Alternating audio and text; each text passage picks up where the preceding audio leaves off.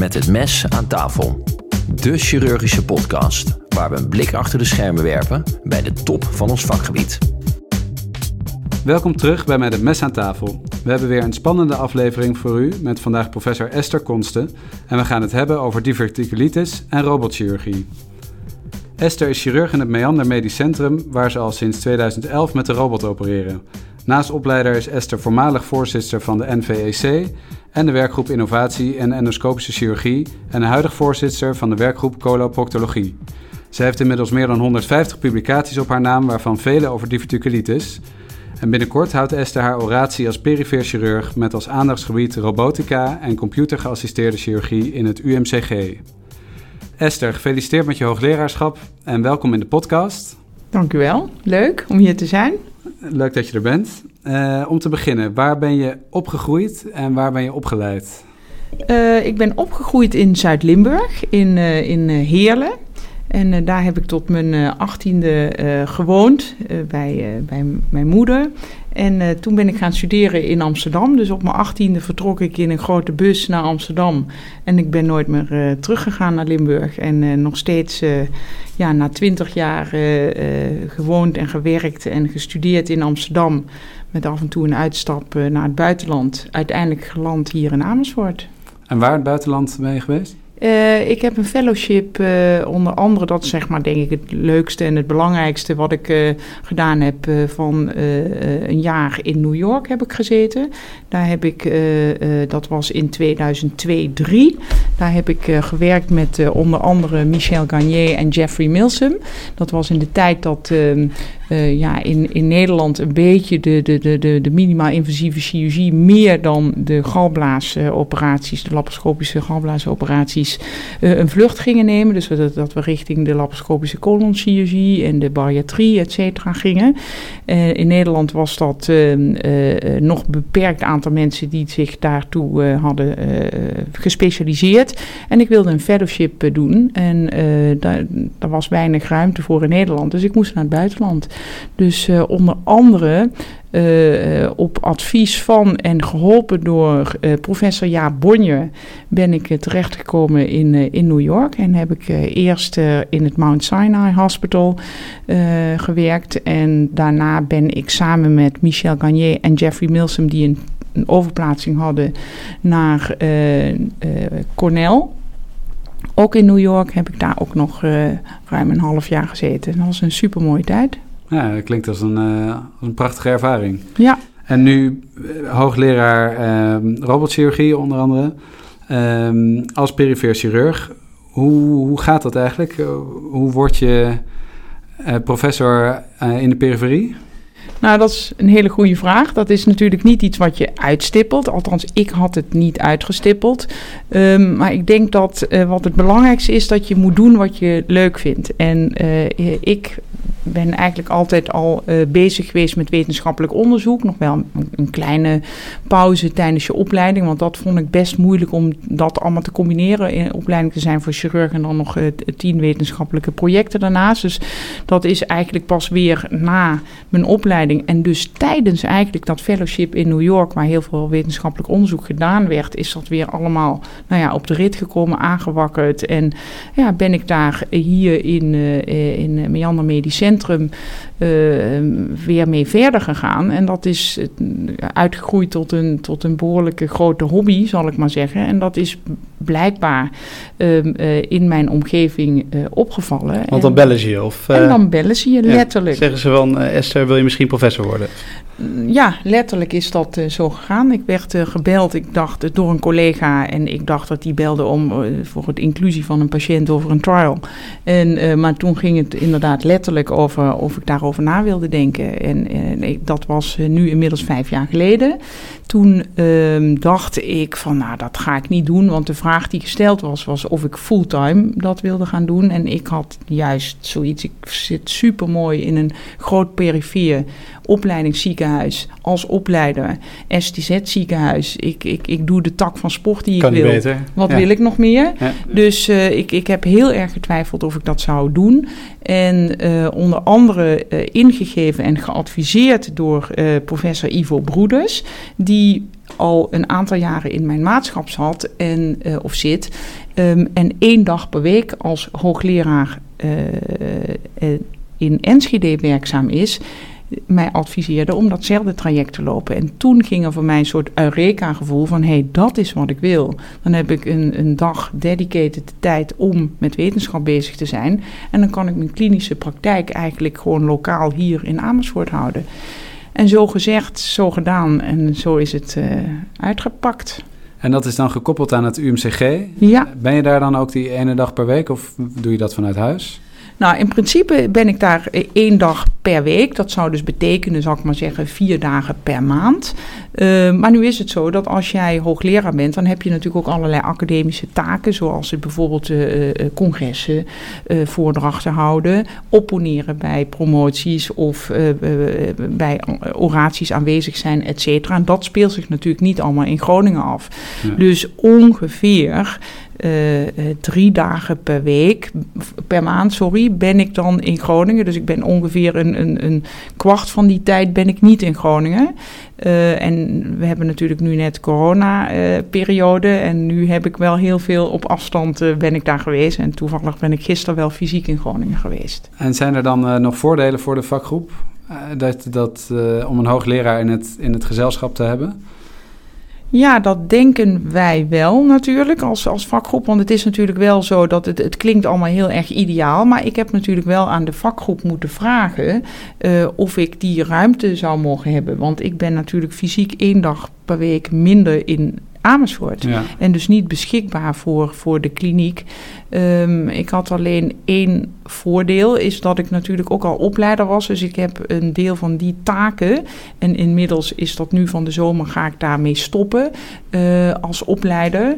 Um, uh, en ga ik een stapje terug als plaatsvervangend opleider en gaat uh, dokter Van Wil mijn opleiderschap uh, overnemen, omdat ik anders toch te veel, zeg maar, ballen in de lucht moet houden. En dat is voor de opleidingsassistenten niet goed, vind ik. Um, dus ik begeleid wel de differentianten en de fellow robotchirurgie, et cetera, maar niet meer het hele pakket als opleider. want dan kan ik niet en, en, en doen. Dat kan wel, maar dan moet ik zoveel inleveren op mijn kliniek. Dat vind ik niet leuk, want ik vind opereren nog veel te leuk. Onderwerp. Onderwerp. Onderwerp. Onderwerp. Van de week. Uh, ik denk dat we doorgaan ook naar het, het hoofdthema. Uh, we gaan het dus hebben over robotchirurgie. Um, en wat zijn nou precies de voordelen van zo'n robot en wat zijn de nadelen? Ja, dat is natuurlijk een vraag die iedereen stelt. Want van wat, wat, wat hebben we daar nou aan? Um, ik denk dat het heel moeilijk is, uh, blijft het moeilijk vinden om echt het voordeel van de robot in zeg maar de chirurgische uh, uh, conventionele parameters te kunnen bewijzen. Dat ik daar wetenschappelijk bewijs voor heb van met de robot uh, opereer ik nog beter, hebben we daardoor minder bloedverlies, hebben we een kortere opnameduur, hebben we minder schade um, aan die en die structuur. Um, dat is wetenschappelijk heel moeilijk te bewijzen, omdat um, we hebben natuurlijk in het verleden de stap gemaakt van open naar laparoscopie. En feitelijk is robotchirurgie een soort extra tool om laparoscopisch te opereren.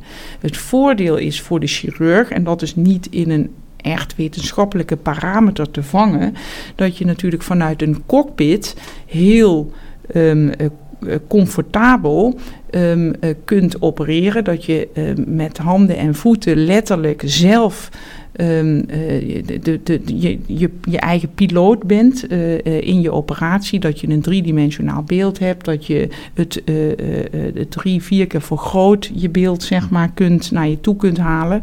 En dat je derhalve heel goed en georiënteerd in de ruimte kunt, kunt werken. Um, dus dat, dat en dat je natuurlijk een aantal instrumenten hebt met scharniergewrichten. En dat je heel mooi en accuraat en uh, fijn zeg maar, werk kunt verrichten. Um, dat is zoals we nu op dit moment met de robot uh, werken. Um, dat heeft nog niet geleid tot, tot um, wetenschappelijk bewezen betere uitkomstmaten. Daar zijn we nu wel mee bezig. Ja, en hoe lang kan je dat blijven zeggen? Want eh, eh, nou, ik denk ook dat theoretisch is het gewoon makkelijker opereren. Je ziet het beter, er zijn allerlei voordelen. Maar hoe lang kan je blijven zeggen in de toekomst uh, wordt het beter? Of um, hè, zijn, er nu al zorgverzekeraars die zeggen van nou, ik zie het niet, dus, dus dit is te weinig? Of, of kan je dat blijven zeggen eigenlijk nog een tijd? Nou ja, dat denk ik wel, of dat weet ik zeker dat het is. Er zijn natuurlijk heel veel ontwikkelingen natuurlijk nu al op de markt. Hè. Dus de, de toename van het gebruik kunnen maken van artificial intelligence. Wat natuurlijk heel makkelijk als, nou ja, hè, die, die, die robot is eigenlijk een soort computer. En daar kan je uh, modules inschuiven die natuurlijk heel goed uh, uh, je operatieveld beter in kaart kan brengen. We zijn bezig met navigatie navigatietechnologie. Dus daadwerkelijk zeg maar uh, op grond van het bewerking van uh, real-life MRI-beelden de, de, de, de marges van de tumor te kunnen bepalen. En daarmee ook daadwerkelijk, althans dat hopen we, een radicale resectie te kunnen be bewerkstelligen. Nogmaals, uh, dat, dat, het, het zijn allemaal stappen waarvan wij denken en hopen dat dat uh, in de toekomst de meerwaarde zal zijn. En zo ja. kan ik er natuurlijk nog een heleboel andere noemen. Nou, eentje is misschien belangrijk, de ergonomie van de chirurg. Dat is zeker een belangrijk ja. deel. Maar het vervelende daarvan is, is dat alle studies en ook de zorgverzekeraar natuurlijk uitgaat van de patiënt en niet van de behandelaar. Nee, die dus komt op de feit, tweede plek. Die, die komt op de tweede plek. Dus wij als chirurg, um, uh, uh, ja, op het moment dat je patiënt wordt, dan ben je, en dus je met je hernia of andere problemen, uh, dan ben je patiënt die bij de orthopedie of bij, bij de neurochirurg komt. En dat, dat, dat, dat, dat wordt niet meegenomen in het, het, de meerwaarde van de behandeling voor die specifieke patiënt? Nou, in de voorbereiding dacht ik daar een beetje aan. Hebben we getallen van hoeveel uitval er is onder chirurgen door, dus uh, ja, je zegt zelf nekhernia's, maar door andere klachten? Uh, want dat is, dat is wel een extra argument als je gewoon als mensen thuis zitten door allerlei problemen en dat kan je oplossen. Heb je wel een soort van extra argument. Maar hebben we daar getallen van? Nee, zijn hoeveel geen, uitval er is? Nee, er zijn geen getallen zeg maar in, in uh, uh, wetenschappelijke artikelen, althans niet in Nederland bekend. Het is wel een goed, nou ja, goed moment omdat nu hè, we zeg maar inmiddels al ruim 20 jaar met laparoscopie bezig zijn, zou je daar nu zeg maar wel de, de lange termijn klachten van moeten gaan ondervinden. Dus dat is wel iets, er zijn wel ergonomie-studies die bezig zijn en die ook hierop letten, maar daar is nog niet over gerapporteerd in de literatuur. Nee, nee. Maar dat zou wel een mooie ondersteuning kunnen zijn. En um, jullie zijn nu al bijna tien jaar um, bezig met de robotchirurgie hier in het Meander. Hoe um, begin je nou daarmee? Hoe zet je dat op? Je moet zo'n ding eerst aanschaffen.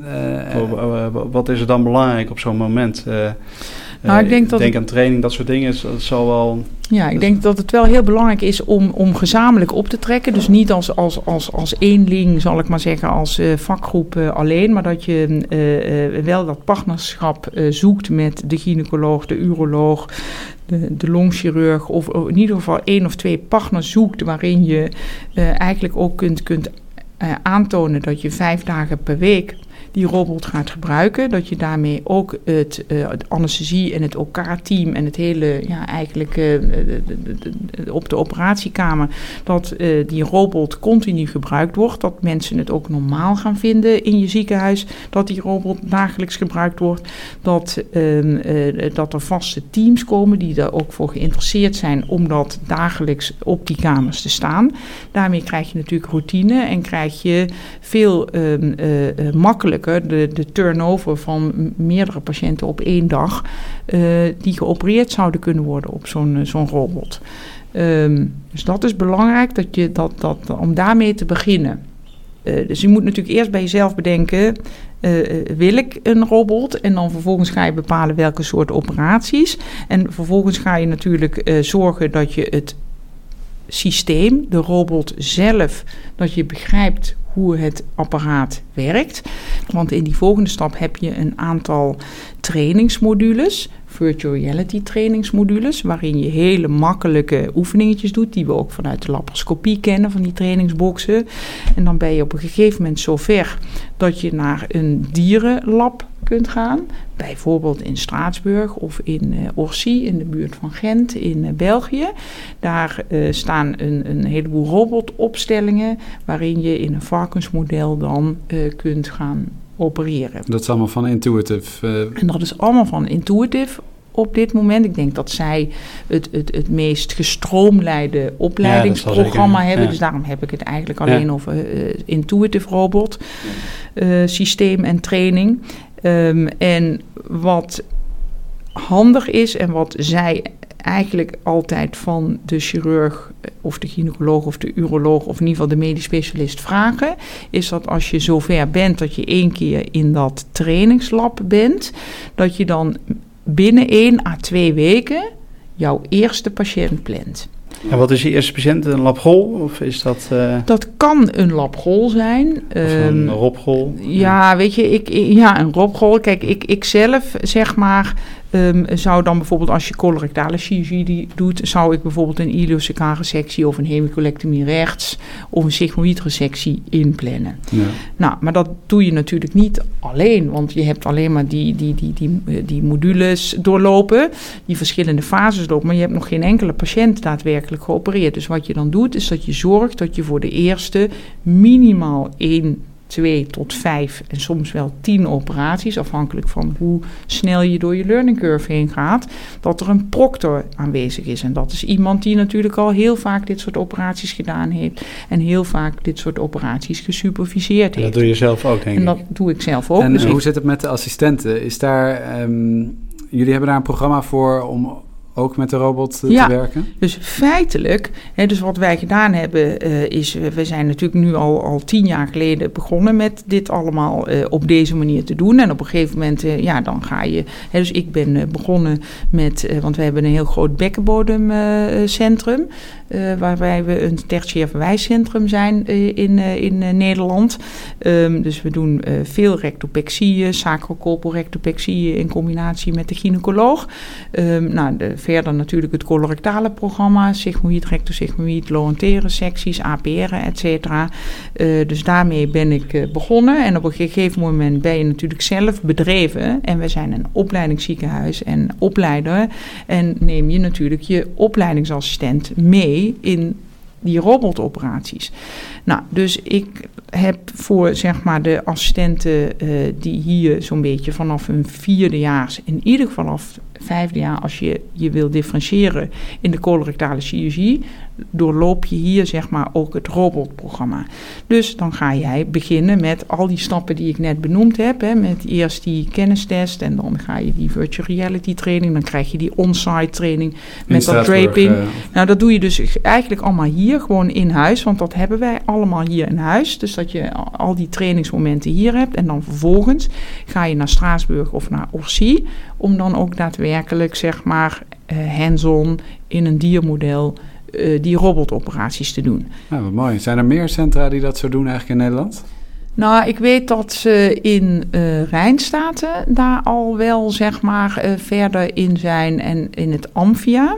En dat zijn een beetje de centra die wel voorop lopen, die ook een beetje, eh, ik weet niet of, of ze dat in navolging van ons hebben gedaan, maar in ieder geval die doen dat ook. En die geven ook de assistent, net als wij, aan het eind van die rit een, een diploma dat je robotchirurg bent. Dat is ook van een oproep om eh, voor alle centra in Nederland om dat zo snel mogelijk op te starten, toch? Dat Ja, we het zeker. ook allemaal gaan leren, denk ik. Ja, dat is ook zo. En Ja. daar, daar is nu ook de werkgroep robotchirurgie, zeg maar, mee bezig. En een van onze assistenten, eh, Frank Voskes, die daar, zeg maar, als vertegenwoordiging vanuit de VAGA in, eh, eh, in die eh, eh, werkgroep eh, zit, waar eh, onder andere professor Jelle Ruur daar de voorzitter van is, eh, zijn we bezig om een ehm, eh, landelijke cursus eh, eh, eh, op te tuigen. Of die is eigenlijk al grotendeels eh, opgetuigd. Dan zou 7, 8 mei de eerste hands-on cursus zijn.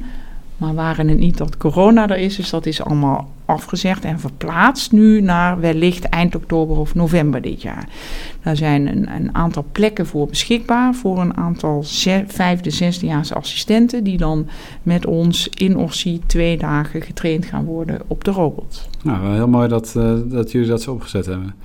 Ehm, en je had het al eerder over ehm, indicaties voor robotchirurgie. en je zou eigenlijk wel meer willen doen met de robot. En eigenlijk ook liever meer robots eh, nog willen hebben. Eh, ik vroeg me af, zijn dat dan allemaal dezelfde robots? Want je hebt natuurlijk verschillende met eh, de single port robot heb je geloof ik ook. Ja, Ehm, en voor welke indicaties uh, zou dat dan allemaal zijn? Ik zou minstens nog één, wellicht twee extra robots. Uh, de, ik ontbeer dat echt. Ja. Wij moeten de robot uh, delen, simpelweg, met de urologen en de gynaecologen. Dus we hebben, wij doen minstens 400 tot 450 ingrepen per jaar als ziekenhuis op die robot. Nou, de robot wordt rendabel vanaf 250, 300 ingrepen. Dus wij zitten al heel erg zeg maar, op het, het rendabele scenario, op de grens eigenlijk. Dus je zou naar een tweede kunnen of moeten gaan. Daarbij zou ik ook eigenlijk nog de indicaties willen uitbreiden.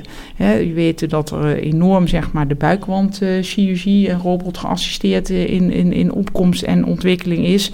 Um, nou, dat programma kan ik eigenlijk niet goed uitrollen, omdat ik anders moet zeggen, nou dan doe ik bijvoorbeeld de rectums niet meer. Want ik heb maar beperkte tijd beschikbaar om op de robot te kunnen werken.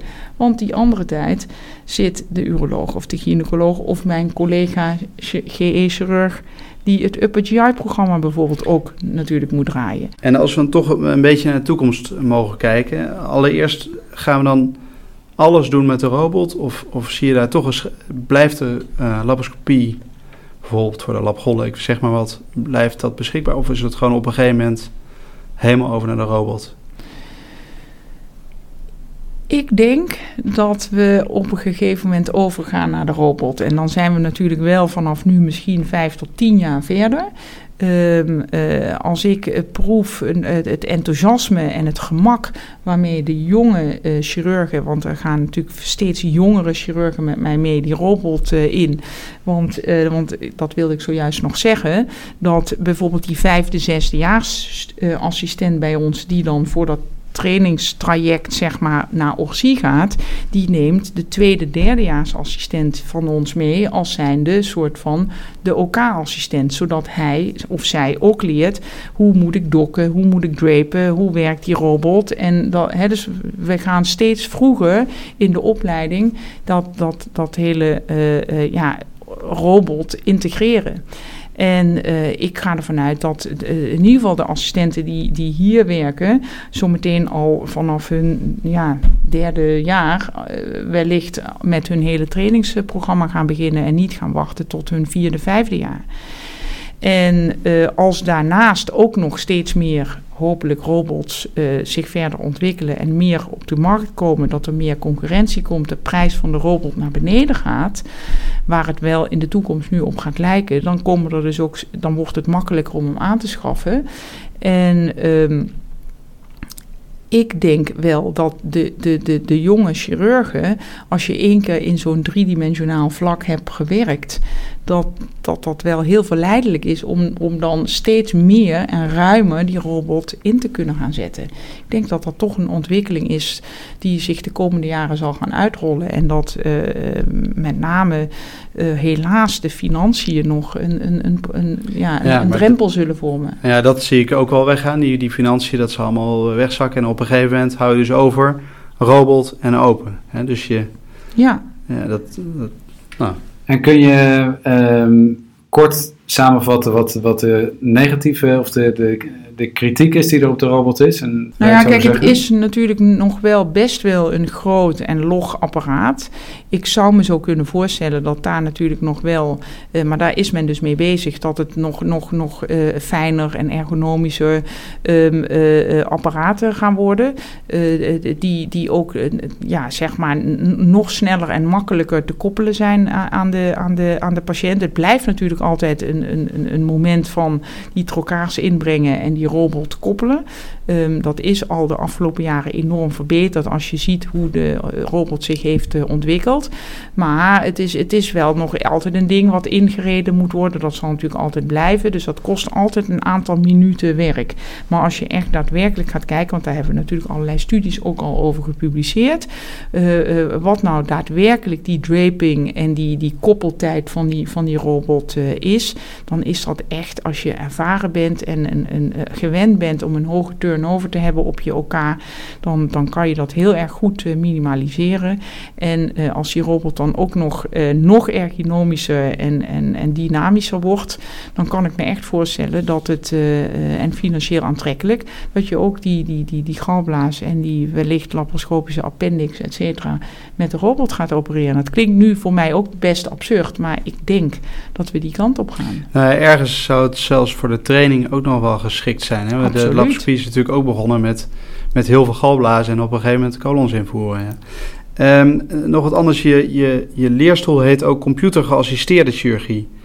Uh, wat moeten we daar ons precies bij voorstellen? Heb je daar voorbeelden van hoe dat gaat komen? Nou ja, kijk, de, de, de, robot is dus feitelijk, zeg maar, uh, wordt computer geassisteerd, zal ik maar zeggen, uh, um, kan je de dingen doen die je doet. Want die robot die gaat bedenken dat als jij um, bijvoorbeeld met je camera 30 graden naar boven kijkt, dan, dan merk je dat helemaal niet als mens. Dus daar worden allerlei beelden, zal ik maar zeggen, zo voor jou gemaakt om het even heel simpel uit te zeggen, dat je dus daadwerkelijk rechts is rechts en boven is boven en onder. En um, dus, dus dat is zeg maar het effect wat die robot voor jou bewerkstelligt. Nou, verder um, uh, hoop ik en denk ik dat we op, op, op binnen afzienbare tijd uh, toenemend uh, gebruik kunnen gaan maken van verbeterde immunofluorescentietechnieken en cameratechnieken. Dat je heel makkelijk switcht, dat kan nu al, hè, naar um, gewoon naar immunofluorescentie.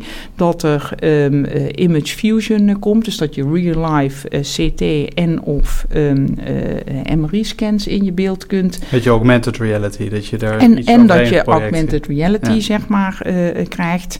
Um, dus dat is, zeg maar, wat je natuurlijk dan... Dat, dat is die computerondersteuning...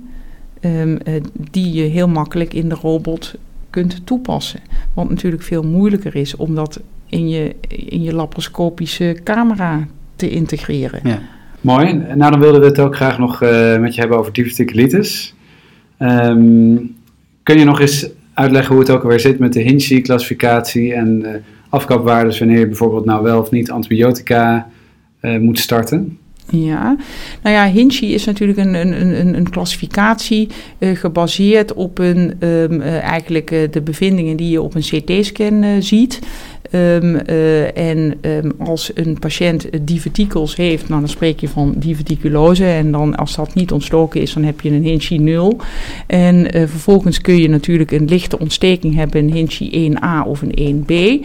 1A is zonder abscessen en 1B is zeg maar kleine, micro, kleine in de buurt van, van de uh, van de divertikels. En als die abscessen wat groter worden dan uh, 3 centimeter tot 5 centimeter, dan zit je in een Hinchi 2. En vervolgens als je natuurlijk een purulente of een geperforeerde en fecale um, diverticulitis hebt, dan praat je over een Hinchi 3 of een Hinchi 4 diverticulitis. Daarmee kun je de ernst van de ziekte uitdrukken uh, en kan je uh, een, een, behandelstrategie eigenlijk gecombineerd met het klinisch beeld bepalen. Want je hebt uh, de Diabolo, daar heb je vast ook aan meegewerkt. Hè? Ja. Uh, die heeft gezegd eigenlijk, nou, wat volgens mij iedereen onthouden heeft, geen antibiotica nodig bij ongecompliceerd. Klopt. Uh, betekent dat ook dat jullie nooit antibiotica geven? Of zijn er toch momenten dat je, dat je daar begint te twijfelen?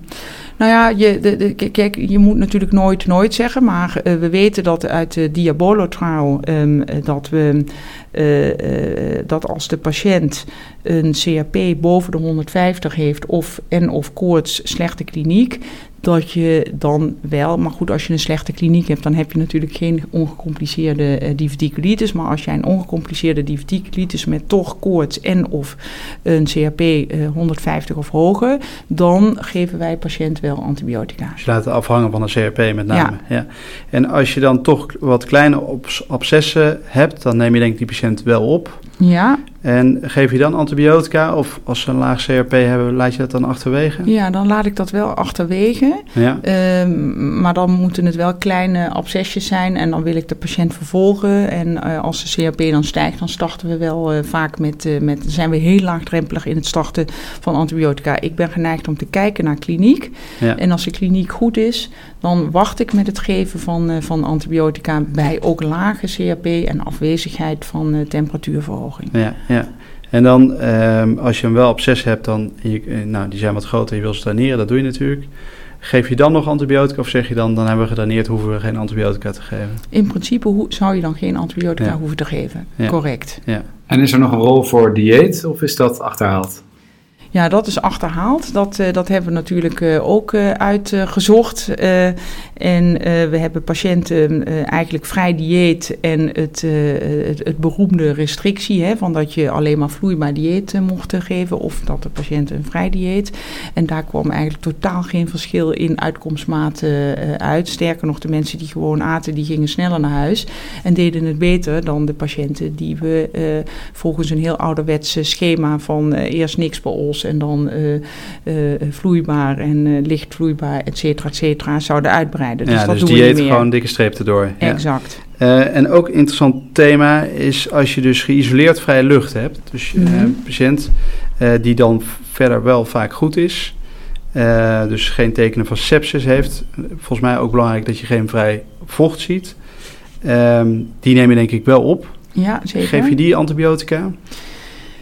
Ja, dat, die geef ik wel antibiotica. Want die hebben vaak natuurlijk. Ja, dat zijn wel de patiënten die ik niet. ehm, eh, want die zijn ziek. En eh, ziek zijn geeft al aan, gecombineerd met, met eh, het beeld op de CT-scan. Dat, dat je meer dan alleen maar een observatie nodig hebt. En dan, Ja, soms zie je ze toch ook nog wel met echt alleen maar wat, dus zonder vrij vocht, maar met alleen wat vrije lucht. En dan zijn Ja. ze eigenlijk relatief weinig klachten. Oh, kijk, als ze heel weinig klachten hebben, Dan zou je dat relatief, ook zonder antibiotica Dan zou ik dat ook wel zonder antibiotica durven, maar dan wel in een opgenomen setting. Ja, waarbij ja. ik dan binnen 24 uur natuurlijk klinisch eh, herbeoordeling en opnieuw bloedonderzoek eh, op zijn minst eh, wil bepalen.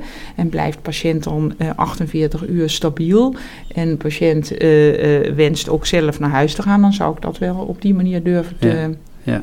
af te ronden. En bij een ehm, eh, purulente diverticulitis is er dan nog plaats voor lavage? Doe je dat nog wel eens?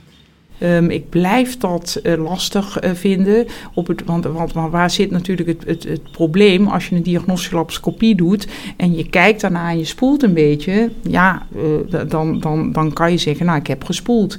Maar als je echt op zoek gaat naar het probleem en je gaat manipuleren met het, met het sigmoïd, het rectosigmoïd, dan luxeer je vaak natuurlijk ehm, eh, van, van de buikwand, waar dan vaak een, een absces tussen buikwand en, en, en rectosigmoïd bijvoorbeeld zit. Nou, dan ontlast zich opeens zo'n zo'n eh, hoeveelheid pus. En vaak zie je dan toch, als je nog wat beter kijkt, dat er een, een, een subtiel klein gat aanwezig is.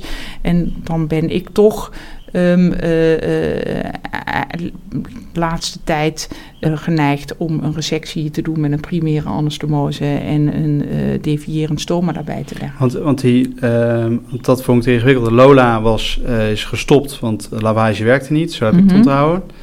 Ehm, en toen was toch weer degene die, dat- hè, dus bijvoorbeeld ehm, Willem Bemelman, die zegt dan, nou, er is nog wel eens indicatie voor. Ja, Eh, dat ja, ligt aan je selectiecriteria. exact. Maar, maar dan wordt het ingewikkeld, want Exact. wie ga je daar nou voor kiezen dan? Exact, nou ja, dat is dus net wat ik zeg. Hè? Dus Ja. dat, dat, is, dat, is, dat, dat blijft heel moeilijk.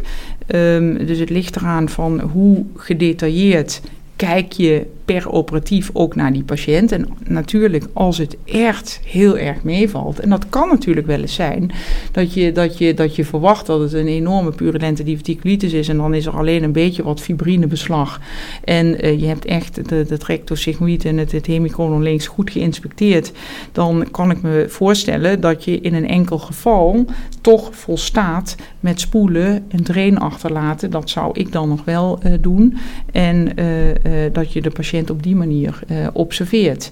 En dan uiteraard laagdrempelig ehm, eh, eh, bij eh, klinische verslechtering uiteraard alsnog een, een, een rescopie doet en handelt naar bevinden. Ja, en dan die, de, de ladies, dus het andere deel van de ladies, die eh, zetten volgens mij een streep door de hartman, want eh Ja. dan moest je anastomose doen. Eh, betekent dat dat je ook nooit meer een hartman doet, of is dat ook te... Nou ja, kijk, ide- idealiter zou je dat natuurlijk nooit meer doen. eh, maar we weten natuurlijk ook allemaal, vooral als je een ehm, eh, fecale peritonitis hebt in vier kwadranten in een hele ehm, slechte patiënt met groot, veel comorbiditeit.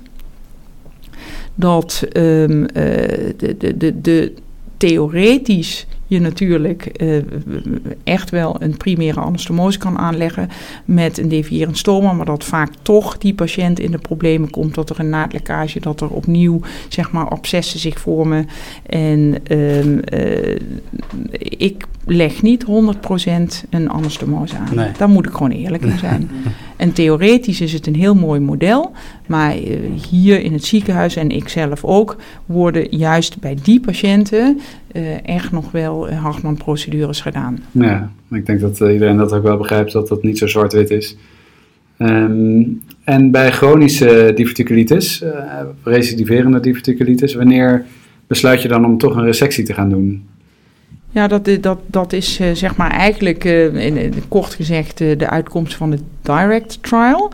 Um, daarin hebben we patiënten vervolgd, twee groepen. Dat was een best een lastig onderzoek, waarbij we met name op kwaliteit van leven hebben um, onderzoek eigenlijk als primair eindpunt hebben genomen. En um, wat daar belangrijk is, is dat de patiënt of langer dan drie maanden klachten bleef houden. Dus eigenlijk een soort van persisterend eigenlijk in die chronische diverticulitis um, aanval bleef. Uh, of mensen die binnen twee jaar twee of meerdere aanvallen hadden gehad. Dus tweede, derde of een vierde recidief. En wat blijkt dat um, uh, we gingen die patiënten randomiseren expectatief, dus conservatief beleid of uh, resectie. En uiteindelijk, na een half jaar en ook na lange termijn studies, blijkt dat die patiënten bij wie we uiteindelijk een resectie hebben gedaan, Ondanks het feit dat er ook naadlekkages waren in die groep en dus dan de kwaliteit van leven koordurend heel erg uh, minder is dan de patiënten die conservatief worden behandeld, uiteindelijk toch op de lange termijn die patiënten het beter doen dan die je eindeloos conservatief houdt. Dus bij ons in Meander hebben wij in ieder geval als policy dat, uh, of althans zoals ik het zelf doe, dat als een patiënt, met name een, een, een patiënt die ook nog in het leven staat, want die heeft last van diverticulitis, die kan niet naar zijn werk of die kan de dingen niet doen die hij of zij graag wil, um, in, in, in, een, in een periode van enkele jaren twee, drie of vier recidieven ontwikkelt, die stel ik wel voor om een resectie te doen. En als de patiënt dat dan wil, nou, dan leg ik uit wat de risico's zijn van het ontwikkelen van een recidief en het hebben van een naadlekkage, et cetera. En de winst die je kunt hebben na verloop van tijd. Nou, dan zijn er toch grotendeels patiënten die toch kiezen voor een resectie. Ja, dus uh, een klein beetje shared decision making, maar nu door de direct trial toch wel duidelijke criteria achter de hand. Hè? Dus langer dan drie maanden of meer dan twee episodes. Tips en tricks. Uh, dus de tips en tricks. En daarbij gaan we een, eigenlijk een robot rectum, of een robot geassisteerde rectumresectie een beetje doornemen. Um, en dan allereerst, welke indicatie heb je daarvoor? Doe je, doe je alle rectums nu met een robot? Of ja. is dat... Ja. Dus eh, dat, dat maakt het eenvoudig. Gewoon rectum is robot. Ja. En, en hoe doe je dat? Kan je dat een beetje in vogelvlucht uh, de stappen doornemen? Ja. Nou ja, kijk, je moet de, de, de robot um, uh, natuurlijk dokken. Dus die, de, de, de, de, de insteek van je trokaars is anders dan laparoscopisch. Um, vooral als je... en dat heeft ook weer te maken... met met de, de, de, robot die je hebt. Want je kunt, als je een wat ouder systeem hebt, dan heb je de SI. En soms heb je, hebben, heb je de X, maar als je het nieuwste robotsysteem hebt, wat inmiddels ook alweer een, jaar, een paar jaar op de markt is, dan heb je de XI. Komt er in ieder geval op neer dat je in een, uh, eigenlijk op één lijn onder een hoek vanaf je spina iliaca, zeg maar van ongeveer, nou ik zal ongeveer 45 graden zijn, moet je je trokaars plaatsen. En dan kan je kiezen, dus je hebt vier armen en dan kan je, dus één van die vier uh, uh, zit dan bij je navel. En dan kan je twee armen rechts of twee armen links plaatsen. En dat is een beetje van voorkeur van, van de chirurg. Ik plaats altijd twee armen links. Dus dan heb ik de camera bij de navel in het midden. Dan heb ik in de rechter onderbuik, zal ik maar zeggen, ter, ter hoogte van, uh, van je appendectomie-litteken, heb ik, zal ik maar zeggen, een, een trokaararm zitten. En dan heb ik er links in het, uh, ja, eigenlijk uh, linkerboven heb ik er nog twee. Eentje om het rectosigmoïde op te spannen. En eentje wat dan mijn linkerarm is, waar ik dan mee kan werken werken. Nou, je begint natuurlijk met het uh, opspannen van het uh, rectosigmoïd en het, het, het, identificeren van, het, van de rectalis superior en dan natuurlijk het, het, het, het, mobiliseren van het, het, het hemicolon links en als het nodig is ook je flexuur mobiliseren. En hoe is het anders ten opzichte van laparoscopisch? Maakt dat heel erg uit? Of, Nou ja, soms probeer ik nog wel eens, hè, want omdat je de, de flexuur mobiliseren is, kan best wel demanding, best wel lastig zijn met de robot als je single docking doet. Als je dus niet opnieuw gaat dokken met de XI is het wat makkelijker. Want dan kan je makkelijker, zeg maar, um, uh, in, je linkerbovenbuik, dus in meer dan één kwadrant opereren. Want dat is de robot, de oudere robots zijn wat bulky en dan kan je maar één richting op, uh, opereren. De nieuwe robot kan in alle kwadranten opereren, maar dan moet je rekening houden met je trokkaarposities om de flexuur in de linkerbovenbuik te kunnen benaderen. Um, dus dan kan het nog wel eens zijn dat je in plaats van medial to lateral, lateral to medial dat stuk moet doen. Mm -hmm. Om beter zeg maar je kolon naar je toe te halen. Om zodoende de operatie uit te kunnen voeren. Dus, dan, uh, dus, dus dat deel kan wel eens lateral to medial zijn. En vervolgens dan zeg maar het, het vanaf de, het doornemen van de rectale superior, het vlak van hield, et cetera, et cetera. Dat is gewoon allemaal van medial to lateral met het identificeren van de ureteren enzovoort. Hoe je het normaal ook zou doen. Zoals je het normaal laparoscopisch ja. ook doet. Dus dan hoef je niet opnieuw te dokken. Nee. En als je dan meer het bekken ingaat, is dat dan nog heel anders dan laparoscopisch? Of is het gewoon wat makkelijker doordat je meer bewegingsvrijheid hebt? Het is feitelijk uh, uh, makkelijker, omdat je meer bewegingsvrijheid hebt. En wat ik een onwaarschijnlijk mooi essentieel voordeel vind, is dat je heel makkelijk die robot 30 graden naar boven kan laten kijken. Want het rectum maakt natuurlijk eigenlijk een beetje zo'n bocht omhoog als je vanuit boven kijkt. Hè. Dus je hebt dan dus je hebt een soort van de, de, uh, het rectum wat... Esther laat nu met de handen zien hoe het rectum ongeveer loopt. Ja, dus er is dan een soort skischans naar beneden. En op een gegeven moment heb je een soort platstuk en dan gaat hij een beetje omhoog, even gechargeerd ja. gezegd. En als je dus met je camera heel diep het kleine bek ingaat, kan je dus je camera 30 graden naar boven laten kijken. En dat, dat kan je wel laparoscopisch door je camera te, om te draaien, maar dat vind je, vinden de hersenen van een gemiddelde chirurg niet zo fijn. Want dan ben je toch niet meer zo goed georiënteerd. En als je dat met de robot doet, dan ben je driedimensionaal. Dan, dan maakt dat niks uit. Maakt dat allemaal niks nee. uit. En, en lijkt het net alsof je een helemaal nieuw veld uh, binnenkomt, waarin je alles helemaal goed kunt zien. En dan kan je dus je septum rectovaginale, uh, de, de fascia van de Novelier, wat zich daar dan afspeelt, wat dan de moeilijke fase van de operatie is, kan je heel mooi uh, vrij prepareren tot op het niveau van, van, van de sphincters. En um, ik vond het best lastig om lage rectums. Um, uh, met de, de, de, de vijfde, zesde jaars, om die echt, zeg maar, laparoscopisch helemaal een laag rectumresectie te laten doen. En de, de, de, de, de, de, de, de handige differentiant die veel meedoet in de robot, is in staat om voor de afronding van zijn opleiding met de robot een loanteer te kunnen doen op een tumor op 3 centimeter. Quick 4. Wat is je grote passie buiten het ziekenhuis? Ik hou heel veel van sporten. En uh, ik uh, dus ben eigenlijk iemand die heel graag teamsporten zou doen. Dus ik zou het uh, graag willen. Ik heb altijd. ik zou willen hockeyen of voetballen of wat dan ook. Maar dat vind ik moeilijk om in mijn vak om met een team af te spreken. Dus ik doe dan graag. Ik, ik, sport liefst drie keer per week of nog vaker. En dan is dat makkelijker als je een sport voor jezelf doet in je eentje. En dat je dan gaat hardlopen. Dus ik hardloop heel veel. En want uh, mijn hardloopschoenen kan ik ook meenemen naar het ziekenhuis. En uh, als ik diensten heb, uh, dan kan ik hier zelfs in de buurt hardlopen. Um, we hebben zelfs een, een, een met, met de assistenten. Vaak spreken we dat voordat we naar de overdracht gaan, s ochtends om half zeven af. Om acht of tien kilometer hard te lopen en lekker fris als sportend de dag te beginnen. Dan rennen jullie naar het ziekenhuis? Ja, nou dan parkeren we hieronder in het ziekenhuis en dan lopen we een rondje van 8 kilometer rondom het ziekenhuis. Ja. Um, en wat was je gaan doen als je geen chirurg was geworden? Ja, dat is een, vind ik een best wel een moeilijke vraag. Want ik denk nog steeds dat uh, dokter en chirurg zijn het mooiste vak ter wereld is. Um, dus ik zou het zo weer doen. Maar wat zou ik doen als me die mogelijkheid niet geboden zou zijn? Ehm, ik zou heel graag iets, ehm, ja, ik denk toch iets met mijn handen willen doen. Um, uh, dus, dus, Timmervrouw.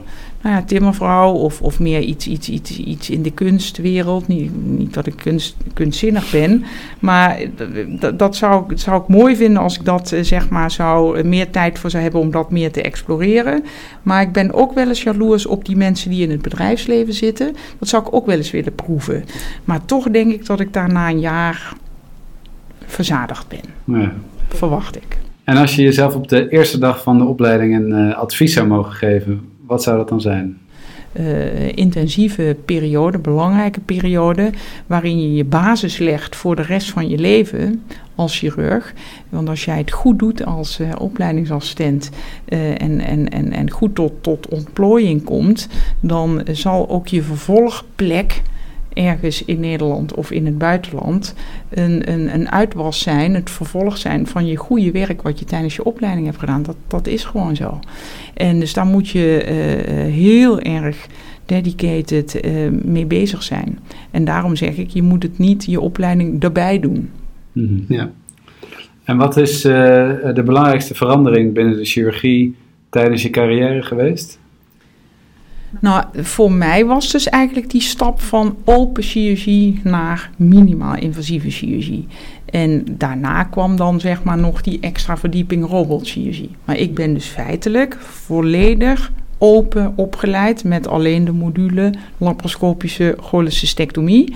En ik weet dat ik eh, toen ik, want ik in 2001 werd ik chirurg en uh, ik denk dat ik vier of vijf, misschien zes laparoscopische appendixen heb gedaan.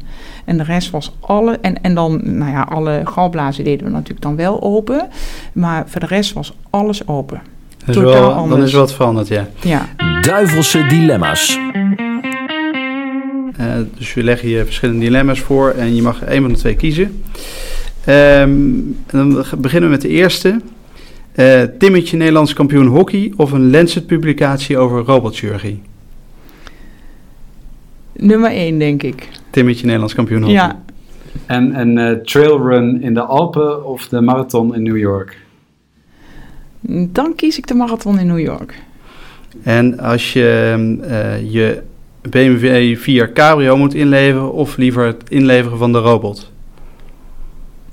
Dan zou ik mijn BMW inleveren. Dan gaat de BMW terug. Ja. ja. Um, de oratie dit jaar binnen anderhalve meter of het introprogramma van de robot voor elke AIOS in Nederland? Dat vind ik het moeilijke. Want dan uh, moet ik het algemeen belang, uh, zeg maar, boven mijn eigen belang. Nou, ik ga voor het algemene belang. Dus uh, dan het, het, het, alle assistenten een robotopleidingsprogramma. Want dan heb ik mijn doel bereikt zonder een oratie te hebben gehouden. Ja, okay. En als laatste, grote cappuccino in de ochtend, zelf halen of laten halen? Nou, uiteindelijk vind ik, uh, als iemand hem voor me haalt, vind ik een ontzettend presentje. Ja. Um, nou, daar zijn we aan het eind gekomen. Dan um, zou je nog willen vragen, um, of heb je nog een afsluiter of wil je nog iets zeggen wat we zeker niet moeten vergeten van deze aflevering van de, van de podcast? Um, wat ik nog graag zou willen um, zeggen, nu je die vraag stelt. Um, als je mij 25 jaar geleden had gevraagd: uh, hoe, hoe werk jij over 25 jaar? had ik niet kunnen vermoeden dat het zo zou zijn zoals ik het nu doe. Dus ik denk dat als je nu als jonge chirurg over 25 jaar moet gaan bedenken hoe je gaat werken. Ik kan het niet helemaal invullen, maar het zal waarschijnlijk totaal anders zijn dan wat we nu doen. En ik hoop dat, uh, uh, en dat kan alleen maar plaatsvinden door die innovatie die robotchirurgie nu aan het, zeg maar, eigenlijk is dat zich dat nog verder gaat uitontwikkelen. Dat mensen dat ontarm, omarmen. Niet alleen medisch specialisten, maar ook zorgverzekeraars en patiënten. En patiënten doen dat al heel erg. Dat, dat, dat we die ruimte krijgen om dat verder te ontwikkelen. En dan uh, ziet de operatiekamer er over 25 jaar en waarschijnlijk al over 5 tot 10 jaar totaal anders uit dan nu. En ik hoop dat ik dat laatste nog een groot deel van mee kan krijgen. En dat ik daar, um, uh, nu ik er nog middenin zit, uh, een groot aandeel in kan zijn. Ja, nou, een prachtige afsluiter. Uh, Esther, mogen we je ontzettend bedanken voor deze aflevering. Dankjewel. Um, En ook de luisteraar natuurlijk wederom bedankt voor het luisteren. En dit was alweer de ene laatste aflevering van het seizoen. Uh, we zijn al volop bezig met het tweede seizoen en daarvoor zouden we ook graag wat feedback van u krijgen over wat goed is, maar ook met name waar het nog beter kan. Uh, we hebben daarvoor een korte vragenlijst gemaakt en de link hiernaar vindt u in de tekst die bij deze aflevering staat. En u zou ons enorm kunnen helpen door deze in te vullen. Alvast bedankt en uh, tabé. Dit was Met het Mes aan tafel. Deze podcast wordt mede mogelijk gemaakt door Johnson Johnson. Dank voor het luisteren en tot de volgende uitzending.